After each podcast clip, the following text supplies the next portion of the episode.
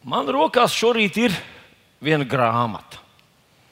Un to grāmatu lielākā daļa no jums domājat, ka tās, tos, tā ir dziesmu grāmata, vai ne? Un kā uz baznīcu iet ar savu, vai tev ir dziesmu grāmata, pajautāt tam, kurš tev sēž blakus. Jaunieši nemaz nezina, ka tādas ir. Un pateikšu jums godīgi, ka nu, savā jaunībā es, es uzaugu baznīcā. Nu, ne gluži baznīcā, bet nu, man vecāki bija aktīvi mm, draugu locekļi, ļoti aktīvi. Un svarīgi bija uz dievkalpojumu paņemt nevis Bībeli. Šodien mēs ņemam Bībeli, reformācija ir notikusi. Toreiz bija svarīgāk paņemt savu dziesmu grāmatu.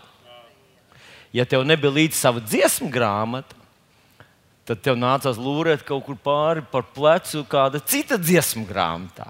Un tas nebija labs tonis. Un dziesmām parasti dziesmas bija daudz. Viņas nedziedāja tā kā mēs tagad visus kompakti, nu, tā kā sākumā. Toreiz arī to nesauc par slavēšanu. Tā, draudzes, tā bija draudzes kopdziesma. Un tur citreiz bija seši panti, citreiz astoņi panti. Un zinat, ko? Tad, kad uzaugs baznīcā, tad lielāko daļu no tām dziesmām tu gandrīz zini no galvas.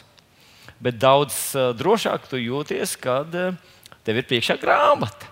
Aiz viņas var paslēpties, tev žāvu uznāk, tu pacēl drusku augstāk dziesmu grāmatu. No, lai zemāk, nu, tā tas tāds nepieciešams accessors. Mm. Draudzē bija. Šodien nevienam nav līdzi dziesmu grāmata. Bet es paņem, pieņemu, ja tev ir līdzi kāda grāmata, un tas nav pierakstu blociņš, tad tā noteikti ir Bībele. Un, nu, kā atkal laiki ir tik ļoti mainījušies, ka viens otru skatās telefonā, un tu domā, ko viņš tur grēko. Bet tagad Bībeles ir telefonā, ir datoros, ir mašīnās, ir mm, kafijas automātos. Un, un vēl visur, kur.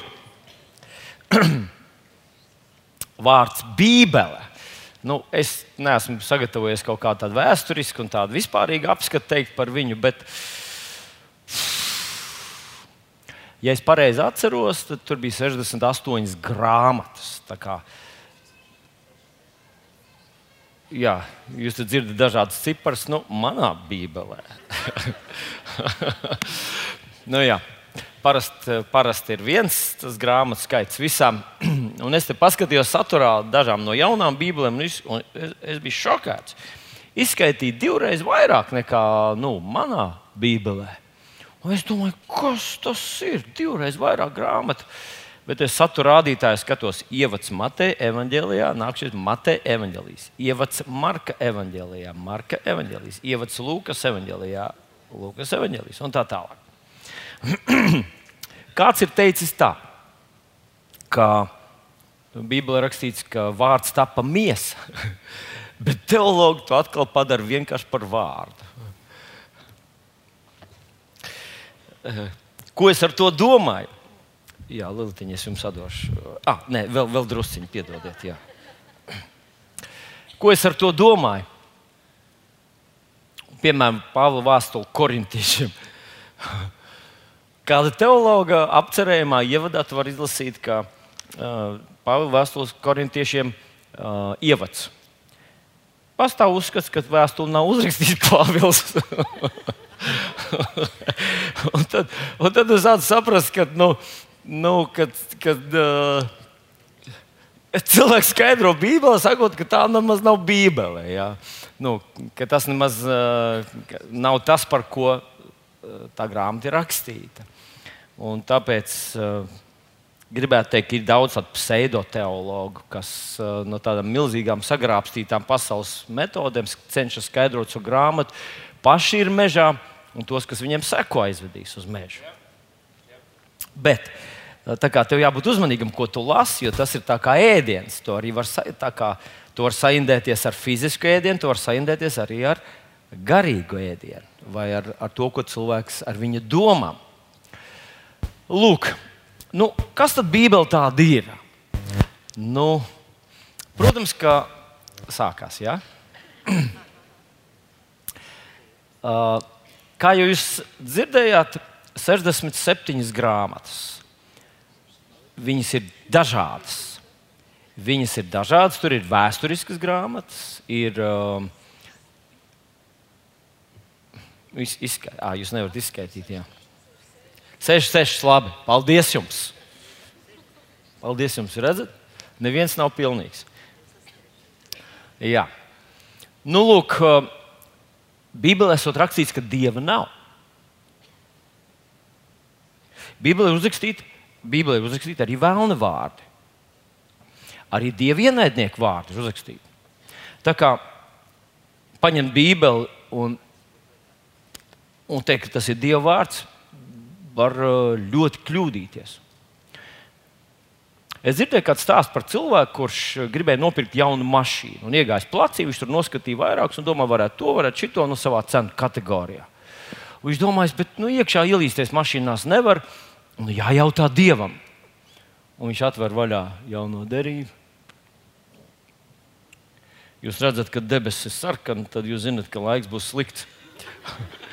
un viņš saprata, ka Dievs viņu uzrunāja, ka jāpērk sarkano mašīnu, ka tā ir tā labā nopirka sarkano mašīnu. Par to viņš vispār nebija domājis, bet sāk skatīties, kur ir sarkana mašīna, nopirka to mašīnu. Ja tā metode bija pareiza, tad Dievs kļūdījās. mašīna izrādījās drāmķīga. nu, es par to, ka Bībele nedara zīmēšanai. Bībele runā kaut kādas konkrētas lietas. Un, jā, jā, piemēram, Latvijas sieva ir uzrakstīts, Latvijas sieva viņam sāk atsakt savam dievam un mirsti. Tas ir uzrakstīts tur, bet tie nav dievu vārdi. Nu, Vēlns saka Jēzum, ja tu zemē mezdamies, man pielūgs, es tev došu visu šo varas pilnību. Nu, tas uzrakstīts Bībelē, bet nav, tie nav dievu vārdi. Saprotat? Jā. Bet tur ir uzrakstīti arī dieva vārdi. Un, uh, nu, viena no tādiem pavisam konkrētiem dievu vārdiem, kurus mēs visi zinām, tie ir Jēzus vārdi. Jēzus staigāja pa zemes virsmu, un trīs ar pus gadus viņš ļoti daudz sludināja. Un pavisam noteikti bija tā, ka viņš vienu to pašu sprediķu sludināja vairākās reizēs. Un tāpēc tas tik ļoti ierakstījās māci, mācekļu atmiņā, un Svētais Gars viņam to arī atgādināja. Un tomēr katram tā viņa Un tā īpašā pieeja, to var redzēt evanģēlijos, pārlas vienu evanģēliju, un tur, tur ir drusciņi savādāk tas secība un, un, un akcentiņi, palas otru evanģēliju, atkal savādāk. Viņi nekopēja viens no otra tie mācekļi. Tas tieši tāpat kā mēs sēžam dievkalpojumā un pieņemsim, ka jūs, draugs mācītājiem, patiešām izdodas spilgts, labs sprediķis. Un pēc dievkalpojuma Jūs varat pajautāt, teiksim, jūsu mājas grupā, jūs aiziet uz savu mājas grupu un pajautāt, ko tu dzirdēji. Un tad pierakstiet. Un pieķeriet visus tos, kas melo. jo tas, ko cilvēki atcerēsies, kas viņus būs uzrunājis, druskuļi atšķirsies. Lai gan bija visi vienā vietā, klausījās vienu un to pašu un cenšas atcerēties vienu un to pašu. Ir cilvēki, kas saka, ka Bībelē ir milzīgs pretruns. Nu, viena no pretrunām ir Pāvils uz Damaskas ceļa. Vēl toreiz vēl viņš bija zauls, un tad kādā vietiņā ir rakstīts, ka viņš redzēja spilgtu gaismu un dzirdēja balsi. Kādā citā vietiņā rakstīts, nevienu neredzēja, bet balsi dzirdēja. Un zina, rorē, vienā vietā rakstīts, ka viņš redzēja gaismu, otrā rakstīts, ka viņš ne, nevienu neredzēja. nu, viņš tiešām nevienu neredzēja, viņš redzēja gaismu tikai. un dzirdēja balsi, kas uz viņu uzrunāja. Nu, ja tā uzmanīgi ies, ieskatās Bībelē, Bībelē nav pretrunu. Varbūt ir kaut kas, ko mēs neuzreiz saprotam, bet tur nav pretrunu, tur nav vēsturisku kļūdu. To ir atzinuši pat eh, skeptiķi, pat zinātnieki, kas ir izvirzījuši par mērķi pierādīt, ka tā Bībele ir falsifikācija. Un ka visi tie pravietojumi vispār nav iespējami, ka tie ir vēlākos gadsimtos, kad pilsēta tiešām sagrūva Ninivu, piemēram, Zodomu un Gomoru vai Ninivu. Jā. Tad vēlāk ierakstīja, ka tāds un tāds pravietis tur, tur toreiz viņš teica. Un viņi konstatēja, ka, ka tādu vēsturisku kļūdu Bībelē nav.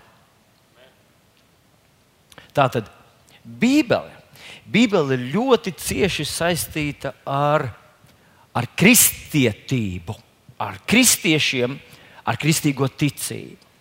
Un es gribētu uh, pavisam dažus vārdus ar jums uh, paskatīties.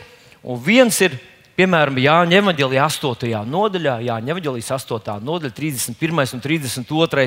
pāns. Jāņa 8, 3, 1, 3, 2. Tad Jēzus sacīja jūdiem, kas bija sākuši ticēt viņam. Ja jūs paliekat manos vārdos, jūs patiesi esat mani mācekļi, un jūs atzīsiet patiesību, un patiesība darīs jūs brīvus. Paskaties, kā mēs saņemam glābšanu. Glābšanu mēs saņemam tad, kad mēs vienkārši noticam Jēzum Kristum, savā sirdī ticam, ka Dievs viņu uzcels no miroņiem un ar mutu apliecinām viņu par savu kungu. Mēs esam glābti. Bet mēs ar jums ļoti labi zinām, ka ir cilvēki, par kuriem mēs varam teikt, pat varbūt bijām liecinieki tam, ka viņi izteica šo frāzi, teica, ka Jēzus ir mans kungs. Teica, ka es ticu, ka viņ, Dievs viņu uzmodinājis no miroņiem. Un varbūt vienā mirklī viņi nu, bija uh, tur, turpat, kur mēs. Bet tad viņi atgriezās savā vecajā dzīvē un dzīvo. Nu, it kā nekas ar viņiem nebūtu noticis. Ne? Un mēs, nu tā, pēc burta, mēs teiktu, viņi ir glābti. Viņi toreiz pateica. Vai ir tādi cilvēki, kas ir glābti, bet dzīvo savu veco dzīvi? Tas ir tāds miljons dolāru jautājums. Un īstenībā es neuzņemtos pateikt, ka simtprocentīgi cilvēks, viņš vienreiz to dzīvē iz, no, izteica tos vārdus, ka tad viņa problēmas ir atrisināts, viss viņu gaida tikai debesis un mūžība un, un svētlēm. Es to nevarētu pateikt, jo visur, kur Bībelē ir uh, runa par, par tiem, kas, kurus jēzus izglābt, tur vienmēr lietots vārdiņš ticība uh, tagadnes formā. Tā kā tagad tic, tic. To mēs redzēsim. Uh, vēlāk arī vēl. Bet paskatieties, kas šeit ir rakstīts. Tātad, to viņš sacīja tiem, kas viņam bija sākuši ticēt. Un tad viņš saka viņiem, jūs būsiet man mācekļi. Tad, ja jūs paliksiet manos vārdos. Tikai tad, ja jūs paliksiet manos vārdos, cilvēks var būt glābts, bet nebūt Kristus māceklis. Un, mīļais draugs, es ļoti tevi mīlu. Man šķiet simpātiski tavs seņš, vienalga cik tev gadu, kāda tev pagātne, kāda arī nebūtu tava attieksme, domas par mani. Kaut ko Dievs no savas mīlestības ielicis arī manā sirdī. Es priecājos, ka tu šeit šorīt esi. Vēl lielāka mana vēlēšanās, un tā ir visa mūsu draugu komandas vēlēšanās, ir, lai tu ne tikai šeit būtu reizi nedēļā. Ne tikai lai tu varētu teikt, ka es toreiz apliecināju Jēzu par savu kungu, Bet es gribētu, lai tev būtu patiešām personīgas, dzīves, tādas, nu, angļuiski tāds labs vārds, vibrant, nu, tā tādas, nu, saviļņojošas, tādas, kas, kas tiešām ietekmē tavu dzīvi, attiecības ar tavu kungu un glābēju Jēzu Kristu. Un, ziniet, mēs, mēs izdomājam, ka sajūtām tā tādu pamudinājumu, nu, kā, kā ārsts kādreiz saka, pārbaudīt visas dzīvībai svarīgās funkcijas, vai organismā viņas darbojas. Un mēs gribētu šīs oktobra mēnesī, šīs uh, garīgās pamatlietas, kā dzīvo viens garīgs cilvēks, tās pārbaudīt. Un vēl man ir tāds viens izaicinājums un piedāvājums reizē. Varbūt, ka tev pietiek, tu atnāc svētdien, un tu aizej mājās, un tu esi pilns līdz uh, malai, un tev pietiek enerģijas, un spēka un ticības, tu dzīvo līdz nākamajai svētdienai. Varbūt nu, tāds ir tavs režīms, un tu esi ar to apmierināts. Bet es gribētu izaicināt tevi tikai uz oktobra mēnesi, vienu mēnesi, pievienojies kādai mājas grupai. Un pamēģini, kā tas ir, kad tu iekāp iekšā tādā drusciņā šaurākā lokā, personīgākās attiecībās, kad tu dzirdi, ko cilvēks saka kā viņš jūtas, ar kādām cīņām sastopas. Un iespējams, tu priekš sevis atklāsi pilnīgi jaunu pasauli, ka tas ir daudz patīkamāk kaut ko darīt kopā un nu, cī, izcīnīt cīņas kopā. Es esmu piefiksējis, uh, nu, es jau kādreiz esmu teicis, ka es mīlu kādreiz paskriet. Un, zinot, vienam skriet, nu, var, var skriet. Ko tu paņem? visu savu dušu dūrē un vienkārši saka, uzvelk čības un ej ārā. Un, un, Un pēc puskilometra sāc ātrāk kustināt kājas, vēl ātrāk, vēl ātrāk skrien. Bet ir daudz patīkamāk ar kādu kopā skriet. Tu esi mēģinājis kādreiz? Ir trīs rokas. Mēs taču neesam tik latviski, ka mēs. Nu, nu, es zinu, ir vieta, kur tikai pa vienam iet cilvēki. Bet ir ļoti daudz lietas, ko daudz patīkamāk darīt kopā. Un iepazīties ar Dievu, paklausīt viņam, izcīnīt cīņas, ir daudz labāk to darīt kopā. Tā kā tev ir iespējams pievienoties mājas grupai, to var to izdarīt, varbūt atstāt uh, savus koordinācijas informācijas galdā, uzrakstīt e-pastiņu, un, un kur tu esi, ko tu gribētu apmēram. Un es nesolu, ka piemeklēsim tevi, bet mēs centīsimies. Tātad oktobra mēnesī visas dzīvībai svarīgās funkcijas mēs gribam pārbaudīt. Tu atļausi? Tas nozīmē, ka es gribētu, lai tu arī šeit esi. Tātad skaties, tu atzīsi patiesību. Ja tu paliksi vārdos, tu atzīsi patiesību un patiesība izmainīs kaut ko tavā dzīvē tik radikāli, ka Jēzus to sauc par brīvību. Tie, kas esat bijuši kādreiz ieslodzīti, jūs zinat, ka brīvība un ieslodzījums ir divas dažādas pasaules. Un Jēzus saka, ja tu paliksi manos vārdos, tu būsi māceklis. Tad tu būsi māceklis. Un tad tu atzīsi patiesību. Un tad tavā dzīvē notiks radikāls, liels pārmaiņas. Bet ievēro, runa ir par Jēzus vārdiem. Jēzus vārdiem. vārdiem. Vispār Bībele ļoti lielu, um, ļoti lielu vērību piegriež Jēzus vārdiem un vispār Dieva vārdiem. Nu, atcerieties, kā sākās Jāņa Evangelijas. Jāņa Evangelijas sākās ar vārdiem. Iesākumā bija vārds. Vārds bija pie Dieva un Dievs bija vārds. Caur viņu viss ir radies, un bez viņa nekas nav radies, kas ir. Turpat druskuļi tālāk, desmitajā pantā, ir rakstīts tādu vārdu. Uh, viņš tur bija pieskāries Jānis Kristītājam, tad viņš atgriežas atpakaļ pie Jēzus. Viņš bija pasaulē, pasaule ar viņu radusies, pasaule viņu nepazina, viņš nāca pie saviem, un tie viņu Tie viņi ko darīja? Neuzņēma. Vai var būt tā, ka tu tāds priekšzīmīgs, gaišs, izglītots, inteliģents, dzīvespriecīgs cilvēks neuzņem Dievu vārdu? Vai var tā būt? Nu, tie ir ļaunie un dumpīgi, un tie, kas lamājās un spļauj smilts gaisā. Nē, nē, nē. Var gadīties arī, ka tāds pavisam eņģelisks, tāds pavisam harmonisks, tāds pavisam gaišs un, un brīnišķīgs cilvēks, kādi esam mēs ar tevi. Ka viņš vienkārši palaiž šo vārdu garām. Un es ļoti ceru, ka tu ieraudzīsi, ka to nevajag darīt. Bet cik viņi uzņēma, tiem viņš deva varu kļūt par dievu bērniem. Un ieklausies 12. pāns, Jāņa 1, 12. Tiem, kas ko dara? Nevis ticēja, bet tic tiem, kas tic viņa vārdiem. Viņš deva varu tiem, kas tic viņa vārdiem. Halleluja! Turpat Jāņa Evanģelijā 6. nodaļā Jēzus saka, mani vārdi, tad viņš saka, miesa nedara nenieka, bet mani vārdi ir kas? Gars un dzīvība.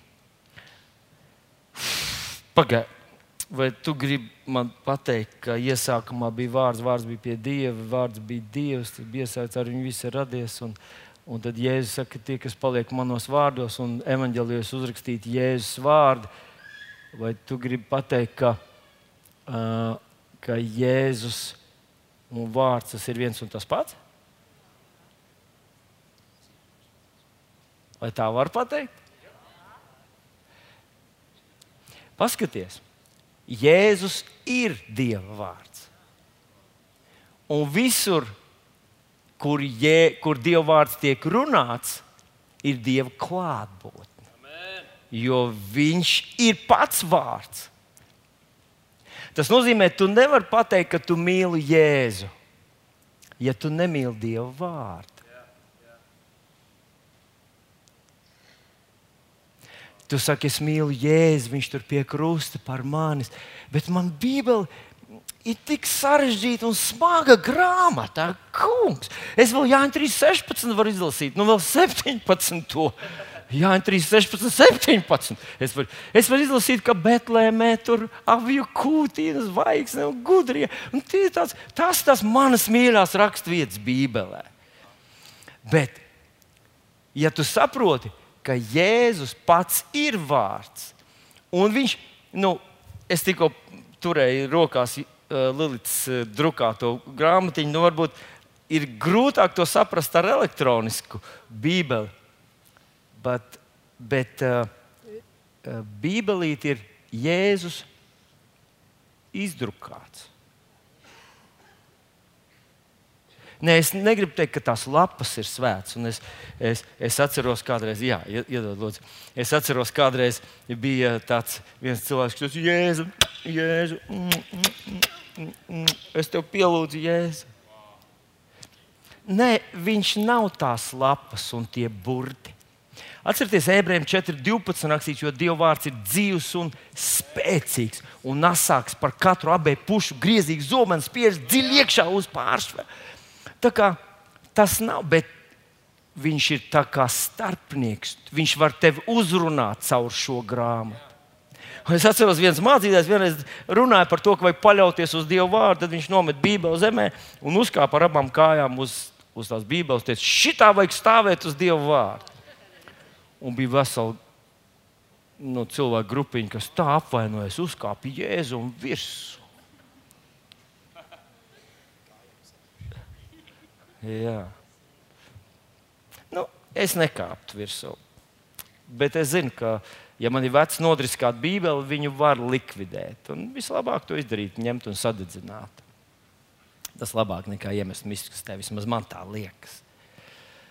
Tā tad Jēzus ir Dieva vārds. Un visur, kur Dieva vārds tiek runāts, tur viņa klātbūtne arī ir. Un kad tu meklē Dieva klātbūtni, vistaisnākais, vistiešākais ceļš, kur to atrast, ir skatīties viņa vārdā. Un jā, Bībele nav vienkārši grāmata, tā ir ļoti, ļoti spēcīga grāmata, ļoti dziļa grāmata. Un jā, cilvēki pārprot šo grāmatu. Bet es gribu pateikt, kādā vietā, ja es teicu, Tēvs, tu esi apslēpis gudriem un prātniekiem, un to atklājis bērniem. Bērni ļoti vienkārši to manto un saņem. Un gudrie un prātnieki ļoti bieži to pārprot. Bet ja tu teiksi, kungs, palīdz man, kungs, palīdz man saprast, Dievs uzrunā man, palīdz man sadzirdēt, ko tu man saki, un tu meklēsi to viņa vārdā, tu atradīsi, tu sastapsies, Dievs tevi uzrunās. Aleluja! Un varbūt, varbūt tev ir tāds jautājums, mēs to runāsim par, par dažādām lietām, ko Dieva vārds dara. Un uz ko tad Dieva vārds ir spējīgs? Uz ko Dieva vārds ir spējīgs? Un, un es jums varu pieminēt raksturvietiņu no ebreju vēstures 11. nodaļas 3. panta, kur rakstīts, ka Dieva vārda spēkā pasaule ir radīta. Bet tur lietots vārdiņš kosmos. Tā kā, ja tu paskatīsies kosmos, planētām, zvaigznēm, uz visām tām nu, brīnumainajām, tālajām, noslēpumainajām planētām, par kurām es kaut kur lasīju, ka viena no planētām, vairs neatmienu īsti, kura tā bija, ka tā esot um, visa viens vienīgs liels dimants. Un, protams, uzreiz. Nu, Banķieriem acis iedegās, ja aizsūtīt mazu kuģīti uz turieni un vienu kilogramu mm, nu, reizi gadā no turienes paņemt un, un atvest šeit uz zemes. Un izpostīt visu Viss pasaules ekonomika uzreiz. Viss diamanti kļūst nu, nevērtīgi. Ja. Bet kā tas ir radīts? Viss? Dieva vārda spēkā. Un saskaņā ar ebrejiem 13.8, kur rakstīts, ka Jēzus Kristus vakar un šodien tas pats un mūžīgi. Tas nozīmē, ka Dieva vārdam ir tāds spēks vienmēr piemitis no paša sākuma un piemitīs līdz pasaules galam, līdz kosmosa galam. kas arī nemainītos, kādas elektroniskas sistēmas cilvēks sākt lidot ar mašīnām un, un kosmosa kuģos pacelsies uz mēnesi un lidos atpakaļ uz atvaļinājumā un tā tālāk. Nu, Dieva vārdam vienmēr piemitīs tas brīnumainais, vienreizējs spēks radīt lietas. Halleluja! Halleluja! Nu, labi, mēs piesk pie, pārvietojamies uz nākošo rakstvietiņu, kur ļoti spilgti runā par Dieva vārdu. Un tā ir Marka Evanģelijas 4. nodaļa. Marka Evanģelijas 4. nodaļa. Un es gribētu, lai, lai tu, mm, ja tu seko līdzi savā Bībelītē, atver to vaļā un ieskaties iekšā. Marka 4. Es domāju, ka visi zina šo, šo ļoti slaveno nodaļu. Viņa sākās ar to, ka Jēzus runā par par sējēju, sēklu un četrām dažādām augsnēm. Sējēji, sēklu un četras dažādas augsnes. Un tā pirmā augsne, palīdziet man, lūdzu, visi Bībeles skolnieki. Pirmā augsne bija kas? Ceļa, ceļa vidus. Kurš teica ceļa vidus? Ceļa mala. Pirmā augsne bija ceļa mala. Uh, sējēji, sēja sēklu un sēklu nokrīt ceļa malā un ceļa nāk putni kaut kāda vai vēlns. Vēlāk, ja es skaidro, vēlns to nozog. Pēc tam nākošā augsne bija kas? Akmeņaina augsne. Tur bija tā kā iekšā viss kaut kas, jau bija sirds, jau bija aizņemta ar visādām nopietnām, svarīgām lietām, un pa virsmu uzmet vēl dievu vārdu. Un tur rakstīts, ka cilvēks ar prieku to pieņem, ar sajūsmu. Jā, jā, bet viņš nelaid sakni iekšā. Viņam nebija vietas, kur tai saknītē attīstīties, un, un tas Dieva vārds nokalta un nomira. Pēc tam uh, ir augsne, kurā bija kas? Ērkšķi un daļa. Un tas ir šīs pasaules rūpes, un zudīšanās un bagātības viltība. Kaut kur uzrakstīts tāds teksts - bagātības viltība.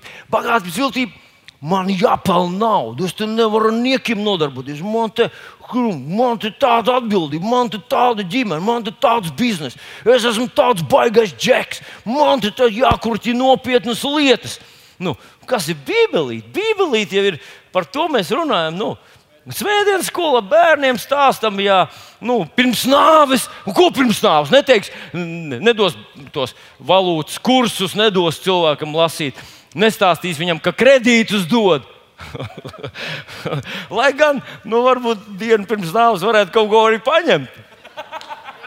Es nezinu, bet, bet uh, nu, Un tāda ir Bībelīte. Mirējam, mēs stāstām Bībelīti. Ja? Nu, nu, tādās visādās bezcerīgās situācijās tad mēs ņemam ārā. Bet uh, Dievs tā to tā nav domājis. Es gribētu, lai tu ieraugi šīs visas trīs augsnes, visās trijās sēkla, kas ir Dieva vārds nenes rezultātu. Vai varētu būt tā, iedomājieties, protams, tikai tā, nu, teorētiski, no malas abstrahējoties. Ne jau tu jau nevari būt tajā vietā. Iebiks tam, kurš sēž tev blakus, saka, viņš tu, tu tur nevari būt. Bet vai tu vari iedomāties cilvēku, kurš dzirdēja Dieva vārdu? Nu, tu viņam sludināji, pieņemsim. Un, un viņam kā pīlai ūdens. Viņš nākošā dienā vienkārši neko neatcerās, nesaprot, kas tur bija. Un tu domā, kā tev gars lietoja, un kā tu tur teici, un kā tu jūti. Nu, bija, bija. Sēkla bija, un tu iemet, ha, ha, un tu saki, halleluja. Un nākamajā dienā viņš ir tukšs un augsts un miris. Nu, nav vēl nomiris, bet miris. Ir tev tā bijis? Kas notika? Vēlams nozag viņam. Tā var būt. Varbūt. Bet tad tur ir vēl divas dažādas augsnes. Protams, tur ir runa par cilvēkiem un attieksmēm pret Dievu vārdu. Viena, kā mēs dzirdējām, ir tā, kurai nav saknes. Viņam cilvēkam ir liels problēmas, liela misija dzīvē, viņš risina baigās problēmas. Un Dieva vārds viņam tā brīvs pa virsmu, viņš ar prieku. Ot, ot, tā svētdienā viņš atnāk, jā, viņš ir gatavs rokas celt un dziedāt. Un, un, un, un, bet, kad viņš iziet ārā no šejienes, kad viņš iziet ārā no, no zāles, Un tu taču sākās reāli dzīve, pareizi. Ko tur darīt ar Dievu vārdu? Ko? Nu, aizej uz skolu, tu paprasti reizēķinu, vai tad tev palīdz kaut kas, jā, 3, 16. Nu, nelīdz. Aizej, tev, tev, tev prasa darbu izdarīt. Tu saki, es, es šobrīd domāju, es esmu mm, šobrīd iesai grāmatā 30. nodaļā. Tur tas kungs nāk ar kaut ko viņš saviem ienaidniekiem. Tev saka, zini ko, parāda darbu. Ja nē, tad, tad nu, jā. Vai, vai var būt tā, ka Dieva vārdam nav nekā kopēja ar dzīvi?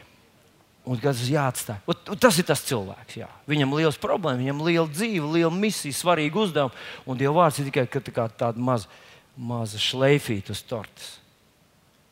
Un zini, kas ir paradoxāli? Ka visās tajās trijos gadījumos Dieva vārds neko neatnes šo cilvēku dzīvēm. Nekādas pārmaiņas, nekāda iedomājieties, kāda apsolījuma rakstīts, ka Dievs dziedina, ka Viņš palīdz, ka Viņš dod uzvaru, ka Viņš to ir sēdināts, ka, nu, sēdināts pie Dieva labās rokas, tu esi Jēzu Kristu, ka Dievs ir tev nolēmis svētību. Un visiem šiem trim cilvēkiem, vai šiem trim kategoriju cilvēkiem, viņa dzīvē tas nestrādā nekā. Un Jēzus mums paskaidro, ka vaina nav sēklā, vaina ir cilvēka sirdī vai cilvēka attieksmē. Bet vēl viena lieta, ko Jēzus mums šeit māca, un to mēs skaidrāk redzam vēl tālāk. Bet, uh, labi, paskatīsimies, paskatīsimies to nākošo, uh, nākošo fragment, tajā pašā Marka evanģēlijā, 4. nodaļā, Marka 4 un tas būs 26, 29. Marka 4, 26, 29. Lūdzu, mēs uzlikām uz ekrāna, palas līdz ar mani. Tur ir teikts, tāpat tas ir ar Dievu valstību, tāpat tas ir ar Dievu valstību, 26. pāns. Kā kad kāds cilvēks sēklu iemet zemē, guļ un ceļas nakti un dienu, sēklu uzdīkst un uzaug tā, ka viņš pats to nenomana. Zeme pati no sevis nes augļus, papriekš stiebru, tad vārpu, tad briedušas graudus vārpā. Un, kad augļi ienākušies, viņš tūdaļ sūta sirpi, jo pļaunamais laiks ir klāt. Tātad Dieva valstība. Te neiet runa par kaut kādām tādām izplūdušām, kaut kādām eh, netipiskām dzīves situācijām. Viņš skaidro, kā ir Dieva valstība. Un Dieva valstība ir, kad cilvēks ņem sēklu un iestāda to zemē. Ko tad viņš, viņš mums necenšas mācīt lauksaimniecību? Viņš vienkārši mums cenšas pateikt, kā tas darbojas Dieva valstībā. Tas darbojas tieši tāpat, kā tas darbojas lauksaimniecībā. Ja tu gribi, lai tev izaugtu tomāts, tu paņem tomātu sēklu un iestādi to zemē. Vai ne? Tikai tad tev ir cerības, ka tomāts būs. Ja tu noliksi podziņu, noliksi gaismu, siltumu, bet neieliksi sēklu, tomāta nebūs. Tieši tāpat tas ir Dieva valstībā. Nav sēklas, nav rezultātu. Ir sēkla, ir rezultāts. Un tā sēkla, tā nemainīgā, nezūdošā, visvarenā sēkla ir tas pats Dieva vārds, caur kuru mēs lasījām, ir radīts kosmos. Kosmos radīts ar to pašu sēklu, ar to pašu Dieva vārdu, ko Dievs mums ir iedevis. Bet viņš saka, ja tu to neiesēji, ievēro, tur nav teikts, Dievs iesēja. Mēs kādreiz sakām, lai Dievs to izdara. Es esmu dzirdējis tik daudz lūgšanas. Es no bērnības viņas dzirdēju, Dievs izmaina mani, Dievs ieliec manās krūtīs jaunu sirdi, Dievs izņem no manis visu tās dusmas, izņem no manis visu to aizvainojumu, Dievs izmaina manu domāšanu, Dievs pārtaisa man. Es gribu būt tāds kā tu, Dievs! Un zinot, ko šīs lūkšanas tiek lūgtas visa mūža garumā, un cilvēks kā bija savā ģimenē uh, staigājoša bumba. Tā ir. Kā viņš bija aprunātājs, tā ir. Kā viņš bija skopuls, tā ir. Kā bija slims, tā ir. Vai tiešām varētu būt tā, ka Dievs neklausa lūgšanas? Un es jums uzdrošināšos apgalvot, ja mana autoritāte, mans apgalvojums kaut ko nozīmē jums, ka tas ir pilnīgi neiespējams. Tas ir neiespējami, ka Dievs neatbildētu uz lūgšanām. Patiesībā Viņš uz visām tavām lūgšanām atbildēja pirms tu ja vēl piedzimi. Tāpēc 2. korintiešiem 1,20 rakstīts, ka viņā, tas ir Kristu Jēzu, cik ir Dieva apsolīšana, viņā tās visas ir jā. Tāpēc mūsu āmen Dievam par godu. Tātad ir vārds, ir augļi. Nav vārda, nav augļu. Bet paskatāmies vēl mazliet. Cilvēks sēklu iemet, guļ un ceļas nakti un dienu. Sēkla uzauga, uzdīkst un uzaug, tā ka viņš pats to nenomāna. Zeme pati no sevis nes augļus, pa priekšu stiebru, tad vārpu, tad briedušus graudus vārpā. Vai jūs ievērojat? Vispirms tam, tas ir laiks, ir vajadzīgs laiks, guļas un ceļas nakti un dienu. Viņš pats to nenomana, kā viņš pats nezina, varbūt nesaprot, kā tas notiek, bet ir vajadzīgs laiks. Nu, iedomājies, ka tu būtu tāds jauns uh, cilvēks, kurš ir mantojis lielu fermu. Un tu atnāc tagad uz to fermu, tu staigā apkārt pa viņu, tu atver vienu pieliekamo, tur ir gaļa. Tu atver otru, tur ir labība, tu atver trešo, tur ir mm, olas. Nu, viss, ko tev vajag, lai tu dzīvotu, un, un tu saki, halleluja! Un tev kāds prasa, vai tu kaut kā apstrādās tos laukus, kaut ko darīs. Tu saki, man ir šī tik daudz ēdamais. Man, es to darīšu tad, kad man vajadzēs. Nu, lūk, un tā tu dzīvo, cepur kuldams, Dievu slavējams par to, ka Viņš tevi tā svētīs un tev viss, kas ir. Un tad vienā dienā tu atver vaļā, un tur uh, pieliekam, un tur pēdējā šķiņķa šķēlīte palikusi. Un tu atver uh, tur, kur bija visas tās putrājumi, un tur ir pēdējā saujiņa ar, ar, ar putrājumiem, kur tev putru uzvārīt. Un tad tu atver um, to, kur olas bija, to, tā, tās ir beigušās jau sen, palikušas tikai čaumos. Un nu tu saki, nu labi, halleluja, paēdīšu brokastis, un tad došos kaut ko iesēt. Saki, lūdzu, ko tas cilvēks vai ko tu respektīvi ēdīs pusdienās? Ko tad? Neko! Vai tā var būt neko? Nu, jā. Jo ievēro, ka Dieva valstībā ir ļoti līdzīgi, tikai, protams, garīgās lietās ir tieši tāpat, ka cilvēks ņem sēklu, un iedēsta tikai iedēsta to savā sirdī. Iedēstīs savā sirdī. Viņš guļ un ceļas nakti un dienu. Viņš pats to nenomāna. Ir viens laika faktors, kur tas cilvēks uh, viņam jāierēķina. Ziniet, vienreiz bija tāda ļoti skumja situācija ar vienu, ar vienu jaunu, ticīgu cilvēku. Es teikšu, jaunu, viņš nemaz tik jauns vairs nebija. Viņa dzīvē notika kaut kāda tāda problēma, tāds uh, uzbrukums, tas slimības uzbrukums. Un tad tas cilvēks atnāca, atnāca pie manis un tāds satraukts mazliet tā, un, un tagad tā, mm, mums vajag lūgt, mums vajag to un to. Un, to. un, protams, ka, kad tu esi tādā krīzes brīdī, tur jāpielieto visu ticību, kas tev ir. Te draugi iesaistās un visi atbalsta un palīdz. Bet tas cilvēks izteica tādu frāzi man. Es nekad neko savā dzīvē neesmu lūdzis. Tagad beidzot man vajag brīnumu. man viņu vajag tagad, un es nevaru viņu dabūt.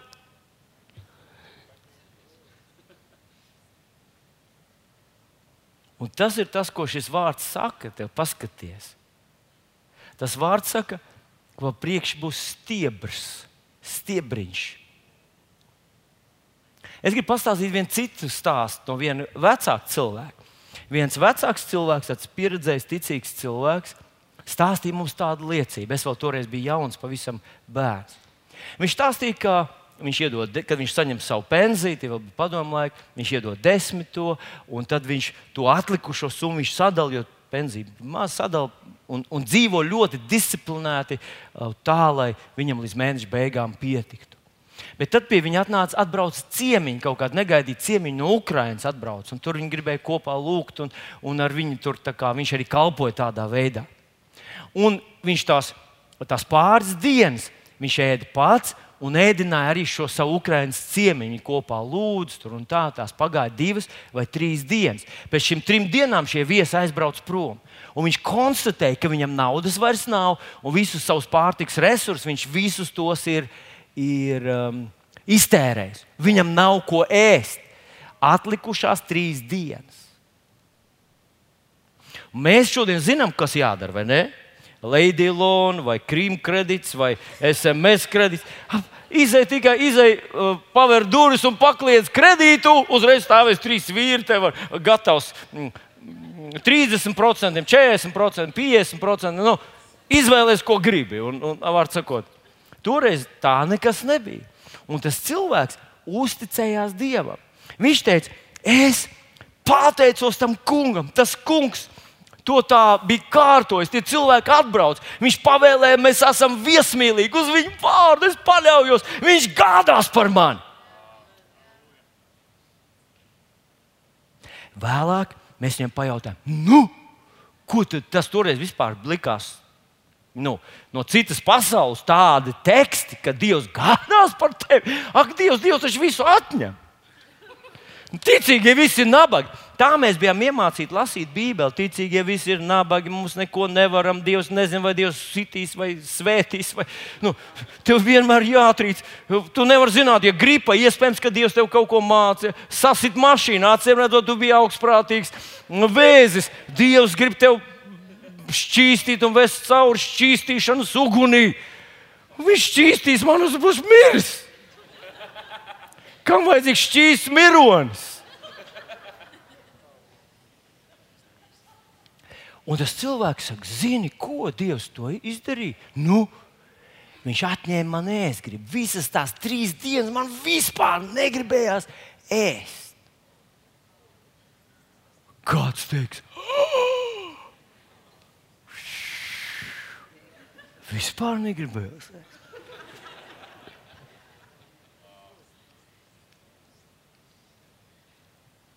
Ziniet, ar ko šis vīrs ir labāks par kādu, kurš aizbrauc pie saviem rādiem, stājas gaisa savu draugu un teica, es te uzņēmu Ukraiņā, ciemiņus, es te kalpoju, saziedojiet man, iedodiet man, palīdziet man, es esmu tajā šaurā vietā. Jūs taču esat mans brāļu māsas, palīdziet, saziedojiet man. Nu, vai dieniņ, vai aiziet tepat kafejnīcā pēc dievkalpojuma, noskatīties, kuram tāds bagātāk klāts galds, apsēsties blakus un teikt, es jau trešo dienu nēdu. Es tā kungu darbā visu noziedoju. Un, un kas, kas notiks viņa sirdī? Kas notiks? Pamodīsies ne ticība, mīlestība, vainas apziņa. Pamodīsies. Man ir tāda kotleta cilvēks, kādā.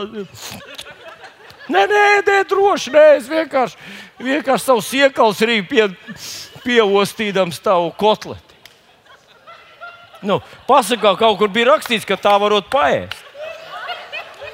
Pasakiet, lūdzu, ar ko, ar ko šis vecais sirmais vīrs, kurš nevienam neteica, un teica, ka Dievs man atņēma ēstgribu, šīs trīs dienas sagaidīja savu pensiju, halleluja, atgriezās ēstgribu, un viss bija kārtībā atkal.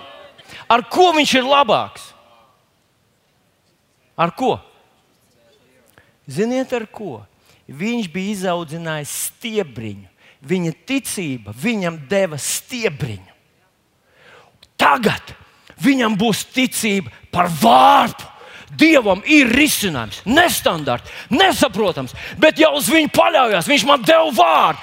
Es tagad, mā, es zinu, viņš atrisinās. Es nezinu, kā, bet sliktākajā gadījumā atņems man ēstgribu uz mēnesi.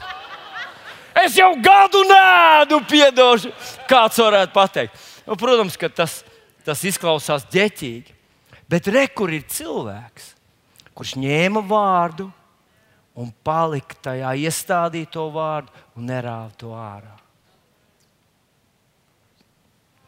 Tā tad ir vajadzīgs ne tikai kvalitatīvs laiks, bet ir vajadzīgs arī kvantitatīvs laiks vārdam, kur tu iestādi savā sirdī, lai tas atnestu rezultātu.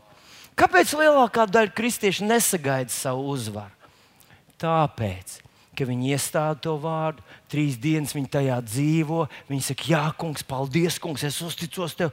Ceturtajā dienā viņi sāk šaubīties. Un atcerieties par tām četrām augstnēm, mēs runājam, kas zudīšanās un, un, un bagātības viltība. Tu nevari Nevari vienā puķpodā ielikt uh, tomātu stādu, paudzināt trīs dienas, tad izņemt viņu ārā, ielikt, uh, paudzināt uh, narcisus, rozes, un tad uz mēneša beigām atkal iesprāst tur tomātiņu. Tu ies, tev jāizvēlās, ko tu savā sirdī audzē. Ja tu tajā audzē šaubas, bailes, tad Dieva vārds nenostrādās. Viņš neatnesīs augļus. Viņš neizdarīs to, kam dēļ tas ir sūtīts. Tātad ir vārds, ir sēkla, būs augļi. Ir sēkla, kur tu pats ieliec savā sirdī un sargā to savā sirdī, un laisti to, un, un fokusējies uz to nakti un dienu. Tu nezini, cik ilgu laiku tas prasīs, bet tas prasīs laiku. Un tad vispirms tu dabūsi stiebriņu. Bet, kad izaugs stiebriņš, tu teiksi, aleluja, tas darbojas, es zinu, aleluja, tava ticība būs. Tu, tu, tu zinās, ka tu vari izaudzināt arī vārpu, un kad tev būs vārpu izaugusi, ha, ha! Tev vairs neviens nevarēs iestāstīt, ka Dieva vārds nedarbojas, ka tā ir pasaku grāmata, vai ka tas ir tikai priekš svētdienas, vai svētdienas skolas, vai mirējam, vai kādam, kuram vispār nav cerības. Tas darbojas priekš tevis jo Dieva vārda spēkā ir kosmos radīts. Pats palasa ebreju 11. nodaļu, tie ticības varoņi, viņi to visu saņēma. Paņēmuši Dieva vārdu sēklu, iedēstījuši to savā sirdī, un tas sargājuši, staigājuši tajā, domājuši par to, dzīvojuši tajā. Halleluja! Man vēl gribas tikai apstāties pie pēdējās, pie mm, īstenībā, ja es runāju kādas piecas dažādas līdzības, un visur centrā ir vārds, kurš ir nemainīgi dzīves un spēcīgs. Tikai apstākļus, kādus mēs radām, var tam vārdam atņemt spēku vai dot spēku. Piedodiet, tas bija iepriekšējais. Un tas ir turpat Mateja 4, Marka 4, piedodiet, 30. pāns. Skatieties, mēs atkal lasām par to, kāds ir debesu valstības likums. Tā tas darbojas Dieva valstībā. Kādā līdzībā mēs to tēlosim? 31. kā sinepes graudiņš, kas sēž zemē, ir mazākais no visām sēklām virs zemes. Un, kad tas ir sēdz, tad tas augtina aug un top lielāks par visiem dārza augiem un dabū lielus zarus, tā ka putni apakš debesis viņa pavēnī var līgstas taisīt. Šeit ir tieši tas pats - sēkla, un zeme, kas tiek iesēta, ir vismazākā. Tas nekas, ka tas izskatās sākumā, izskatās bezcerīgi, tas izskatās nestipri, tas izskatās, nu, izskatās reliģiozi un izskatās pēc svētdienas skolas. Tam ir milzīgs spēks. Bet ievēro vēl kādu ļoti interesantu lietu, ko viņš saka, ka tas iesēts, tas augtina aug un top lielāks par visiem dārza augiem un dabū uh, zārus, ka var mm, līgzdas taisīt putni tur. Nu, es zinu, ka mēs visi daudz maz esam mācījušies bioloģiju. Un atcerieties, mēs mācījāmies kādreiz par kokiem. Liels koks un viņam liela tāda lapotne. Bet mēs ar jums visi zinām, ka, ja tas koks ir liels, viņam ir liela lapotne, tad apmēram tikpat liela lapotne, kādu mēs redzam, atrodas arī zem zemes. Tā ir tā, kas baro viņu, tā ir tā, kas viņu uztur, tā ir tā, kas notur viņu, viņam, dod viņam stabilitāti tajos grūtajos laikos. Mīļais draugs! Es zinu, ka mēs visi gribam redzēt redzamus rezultātus uzreiz. Es kā kalpotājs uzreiz gribu redzamus rezultātus. Dažreiz tu aizēji pabeigts Bībeles skolu, klausies, un tev mācās par to, ka Dievs tev devis varu un autoritāti. Kad de, Matei 10, 8, ja dziediniet slimu, šķīstiet spitālīgus, uzmodiniet mirušus, un tu, aleluja! Un tad mēs visi esam dzirdējuši par kādu cilvēku, neviens nezina viņa vārdu, bet kādu cilvēku, kurš bija tik ļoti izredzēts Viņi vienkārši no bērnās izveda ārā, un tad viņš gāja tur, veda viņu, un, un viņš tikai pieskārās cilvēku, saņēma dziedināšanas, viss tur notika uzreiz. Esat dzirdējuši? Un cilvēki, nu, kalpot arī Remzē grēko ar to, viņi stāsta tāds stāsts. Jēzus šonakt sēdēja visu nakti man uz gultas malas. Un es ar viņu runāju, runāju, runāju. Viņš man visu izstāstīja un, un jautāja padomu. Un, un, un, cilvēkiem radās sajūta, wow, tas gan ir izredzēts. Un tad mēs domājam, nu, kas tad manā mājas grupā neviens nav īsti izredzēts. Mūsu mājas grupas vadītājs lūdzu, lūdzu, lūdzu, siekās lido uz visām pusēm, bet kā nav dziedināšanas tā nav.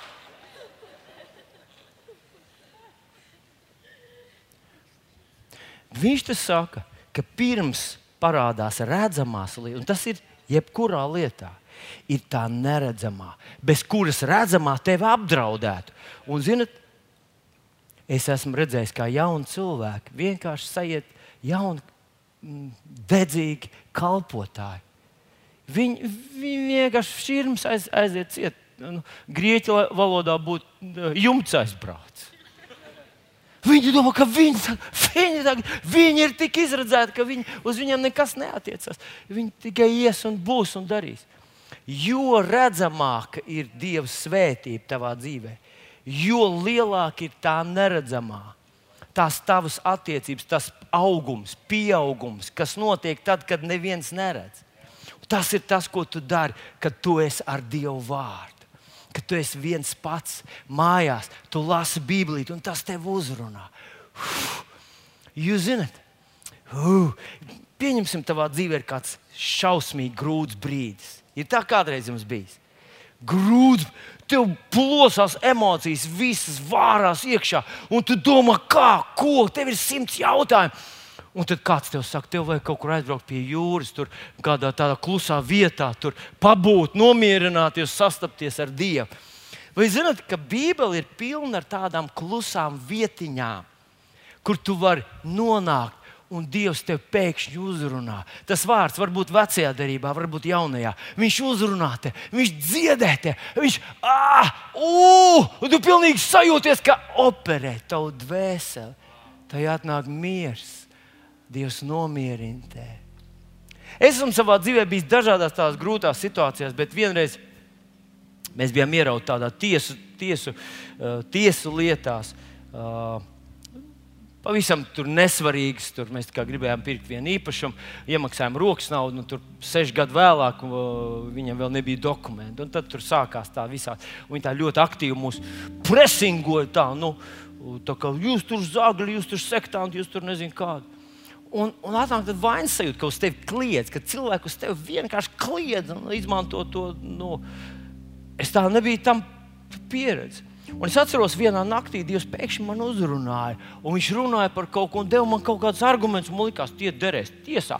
Pats kā es šitos tagad tiesā teikšu, un kā visi uzreiz sapratīs. Ka...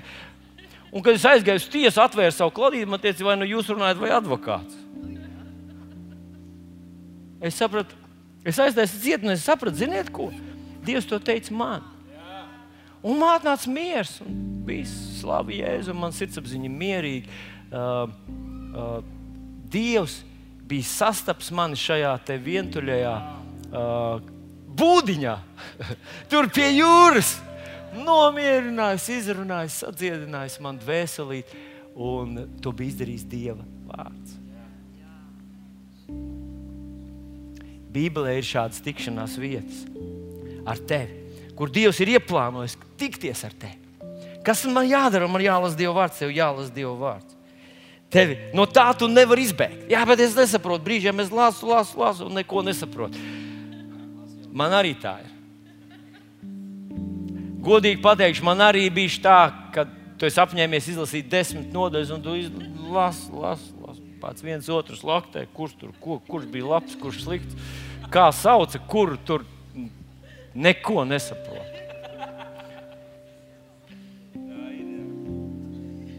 Un jaunieši, es jums neieteiktu sākt ar veco derību, jo, jo ziniet, kad, kad, kad es, es par cik esmu uzaugusi draudzē, ja, man nesagādāja vispār priekš, priekš, um, nekādu jautājumu par to rakstīt, ka Dārvids atnesa 300 filistiešu priekšādus un atnesa tās sauli. Un, Nu, atnes priekšā, atnes priekšā. Ko viņš atnes priekšā? Man vispār nebija problēmas ar to. Svētais Dieva pielūdzējs, slavētājs Dāvids aizgāja un, un atnesa. Nu, Šodien jaunieši varbūt sāk domāt, tā, kāpēc, ko Dievs ar to grib pateikt. Nu, es neuzdevu sev tādus jautājumus, tāpēc varbūt pirms tu saproti, ka starp veco derību, starp veco derību un jauno derību ir milzīga atšķirība. Kādreiz tu dzirdi pat kristīgajā radio, tu klausies, ka sludinātājs vienkārši ņem veco darību, jauno darību, veco darību, jauno darību. It kā vienīgā atšķirība starp viņām būtu tā tukšā lapa pa vidu. Un tas ir viss, tas ir viens un tas pats stāsts. Bet ar Dievu tā nav. Pirms Mozus derības, kur Mozus noslēdz ar, ar, bija citi noteikumi Dievam, viņa attiecībām ar cilvēkiem. Pēc Mozus derības bija pilnīgi citi noteikumi. Gan drīz 2000 gadi bija pilnīgi citi noteikumi. Un, ja tu sabatā lasīji malku, tad tevi nomētā ar akmeņiem. Ja tavs bērns uh, apsaukāja vecāks, viņu nomētā ar akmeņiem. Tas laiks ir beidzies apmēram 2000 gadu atpakaļ. Dievs to vairs nedara, jo visu sodu par mūsu nepaklausību, par mūsu dusmām, par mūsu lāstiem, par mūsu, viņš to visu uzkrāja Jēzum Kristum.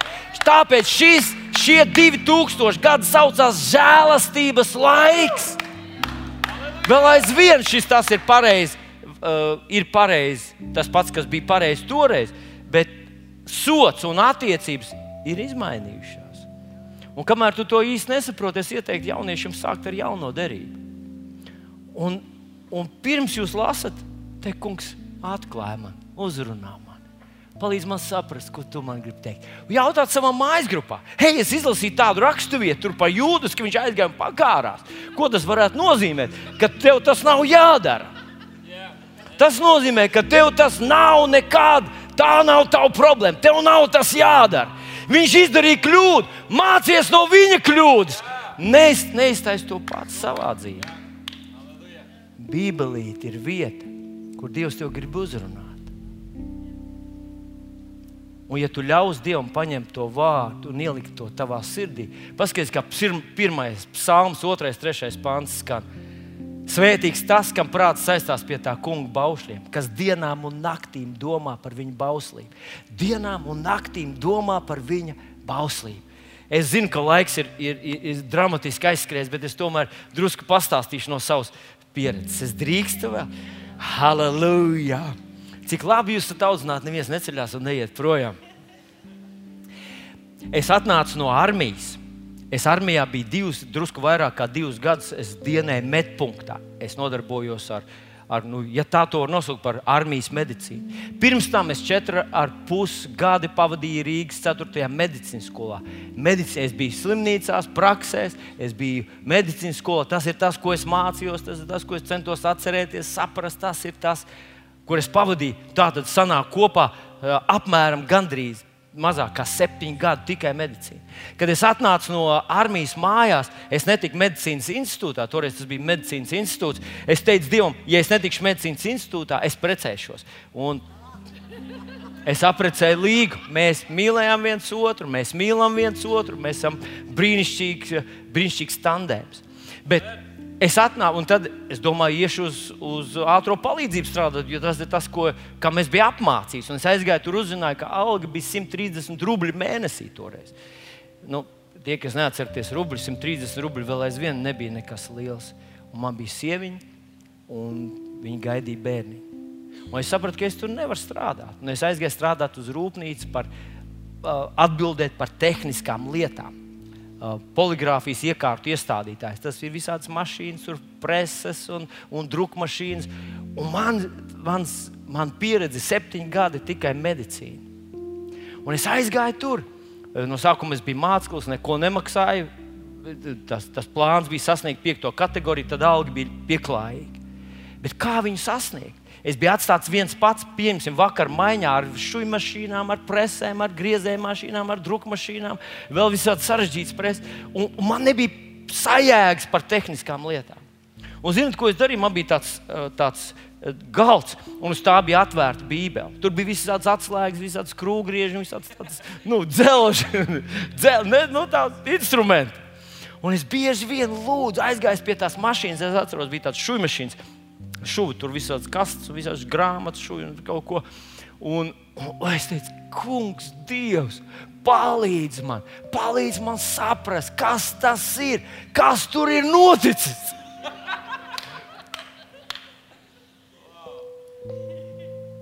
Un jūs zināt, es dzīvoju mēnešiem, dzīvoju atklāsmēs. Tur pie tās šūmašīnas es sēžu, skatos no, no vienas puses, no otras puses. Pēkšņi skatos, tur kaut kur kaut kas. Nu, Neiet tā, kā vajag. Un es tur biju kaut ko pieskrūvēju, kaut ko pavirzu.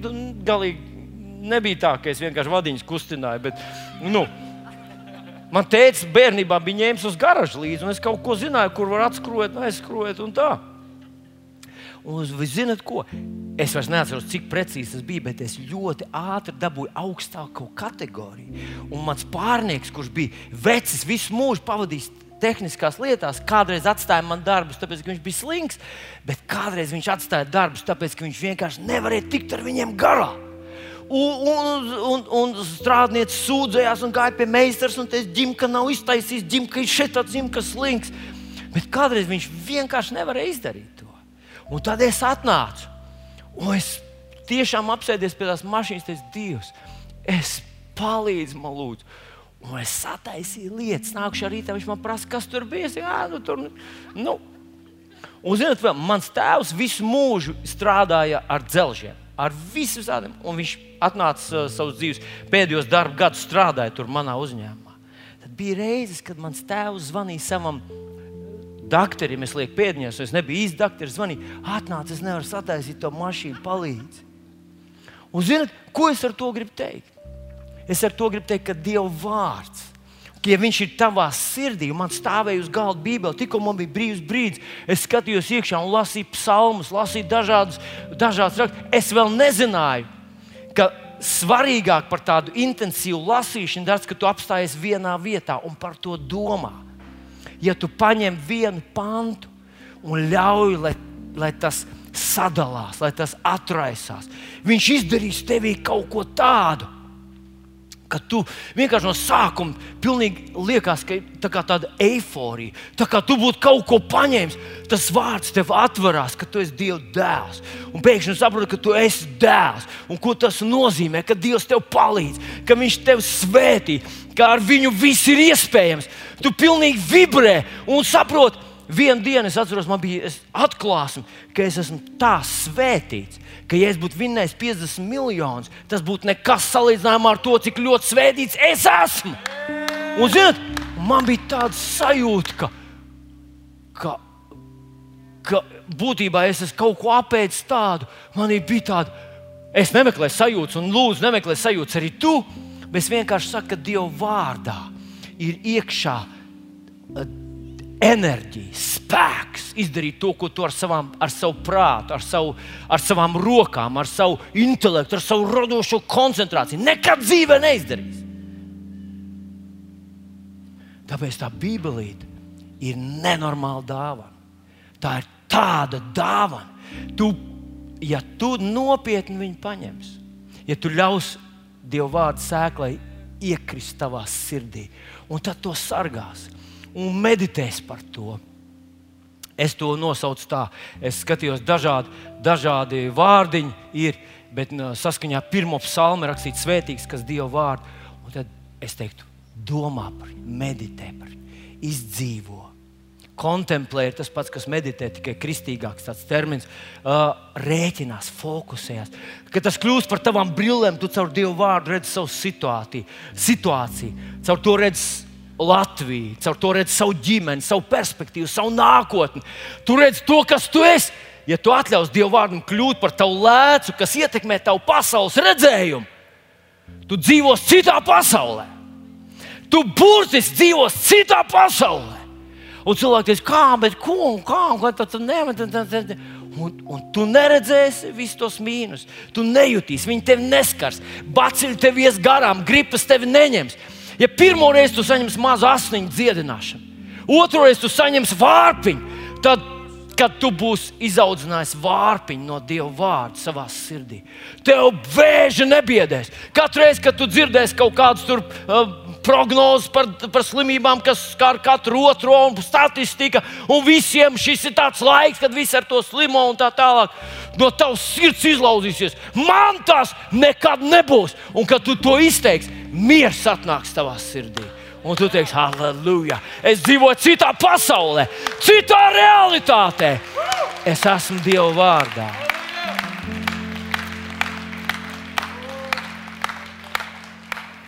Mīļais draugs, Dieva vārds ir tev vajadzīgs, lai tu to ēstu kā maizīti. Viņš ir nosaukts par maizīti kaut kur. Paņem to, lūdzu. Lūdzu, lūdzu. Paņem to. Es varētu daudz ko runāt, kā un, ko, un kuru grāmatu labāk. Sāc ar Jāņa evanģēliju, pēc tam ar vēstulēm. Kāds ir teicis, ka evanģēlija ir priekš tiem neticīgajiem. Nu, jau, Tā var teikt, jā, viņi apraksta, ko Jēzus izdarīja, kāds viņš bija. Realitāte īpaši ebrejiem tas vajadzētu, viņiem vajadzētu to saprast. Vēstules ir priekš ticīgiem. Jā, Eveziešu vēstule izcila. Tur tajā var mēnesi pavadīt, lasīt, pārdomāt, paņemt līdzi. Man ir tāda maza zīmīte, un es ar viņu staigāju. Es kādreiz aizgāju uz, uz, uz paskriet, uz, uz, uz tādu skrejceļu un uzlikt trīs raksturvietas sev priekšā, acu priekšā. Un te tu skrien, nu cik skrien, nu cik tu skrien, tik skrien. Bet es meditēju par vienu no tiem. Es skrienu un domāju, nu, ko tu tā domā? Vienkārši es viņu domāju par to pāntu. Es domāju, kāds viņš ir, ko viņš tur ir pateicis. Pieņemsim, 1. Jāņa 4.17. ar to mīlestību pie mums kļūst pilnīgi, ka mums ir droša paļāvība tiesas dienā droša paļāvība tiesas dienā. Hei! Dzirdēju, droši paļāvība. Vai tā nav? Mēs visi cer, cerams, ka viss būs labi tur tajā pusē. Droša paļāvība tiesas dienā, jo kāds viņš ir, tāds es esmu. Ja tu esi egoists un tu pavadīsi vienu mēnesi šajās rakstvietiņās par to, ka, ka, kurš saka, kāds tu esi Kristu Jēzu, tas tevi izmainīs. Tas atlaidīs tās tavas bremzītes vaļā, kuras varbūt tu no bērnības jau esi sarāvis, tāpēc ka tev nedēļa, vai tevi nemīlēja, vai tevi pateica sliktu kaut ko. Kādreiz tā ir kā dzindīgs vārds, uz traumē cilvēku uz mūžu. Un Dieva vārds, atceries, ja es teicu, tu atzīsi patiesību, un tā patiesība tev atbrīvos. Tu nevari būt veiksmīgs Dieva valstībā un skops Tas, tas nav savienojams lietas. Tu nevari būt veiksmīgs un Dieva valstībā un ļaunatminīgs. Tu nevari būt Dieva valstībā veiksmīgs un nīgrs un nelaipns un, un, un, un melnes. Tas lietas nav iespējams. Un Dieva vārds tev atbrīvos no tā. Tas nav tev pašam jāizdara. Dievs to izdarīs. Halleluja! Lasi Bībelīti, domā par viņu Domā, paņem pāntu, kāds ir pāns šajā nedēļā. Domā par viņu visu, noliec savā mašīnā, tur uz, uz tā tur. Padomā par viņu. Ir sēkla. Ja tavā sirdī ir Dieva vārda sēkla, un tu to nesā laiku, Viņš izdarīs brīnumu. Jēzus vārdā. Kad Jēzus pabeidza savu kalpošanu, tad viņš uh, ņēma biķeri. Labi, piecelsimies kājās, mēs lūgsim Dievu, un tad pieķersimies vakarēdienā. Debes Tēvs, mēs pateicamies Tev. Paldies Tev! Paldies Tev! Paldies Tev par Tavu vārdu! Paldies Tev par to bagātību, to neaptveramo, neizmērāmo, radošo spēku, kas ir ielikts Tavā vārdā. Kungs! Mēs gribam būt tavi mācekļi. Mēs nevēlamies būt garām gājēji. Mēs nevēlamies būt cilvēki, kas sev māna, nedodam vietu savā sirdī, tavam vārdam. Mēs gribam to paņemt savā sirdī un likt tam dzīvot mūsos. Aleluja! Paldies, Tev, debes Tēvs! Paldies, Tev, debes Tēvs! Paldies, Tev, mīļais, dārgais, augsts teicamais debes Tēvs! Paldies! Tev. Halleluja! Halleluja! Halleluja! Es pateicos par to, ko tu dari šajā draudzē. Paldies, tev, ka mēs ejam no spožuma uz spožumu. Mēs ejam no spēka uz spēku. Mēs ejam no ticības uz ticību. Mēs ejam Dievs, lai ietekmētu šo zemi, lai izmainītu šo zemi, lai svētītu savu zemi Latviju. Un Latvijas labākās dienas ir mums priekšā. Pasak līdzi ar maniem. Latvijas labākās dienas ir mums priekšā. Dievs paņems tos naidīgos vējus un liks tiem pūst mūsu burās. Pasaki. Mūsu ekonomika celsies. Dieva bērni celsies ekonomikā. Radošums būs kā upe. Jo Dievs svētīja Latviju. Un evanģēlijas izplūdīs no šīs zemes un aizsniegs kaimiņu zemes un Eiropu un vēl visur, kur citur. Jēzus vārdā. Aleluja! Amen!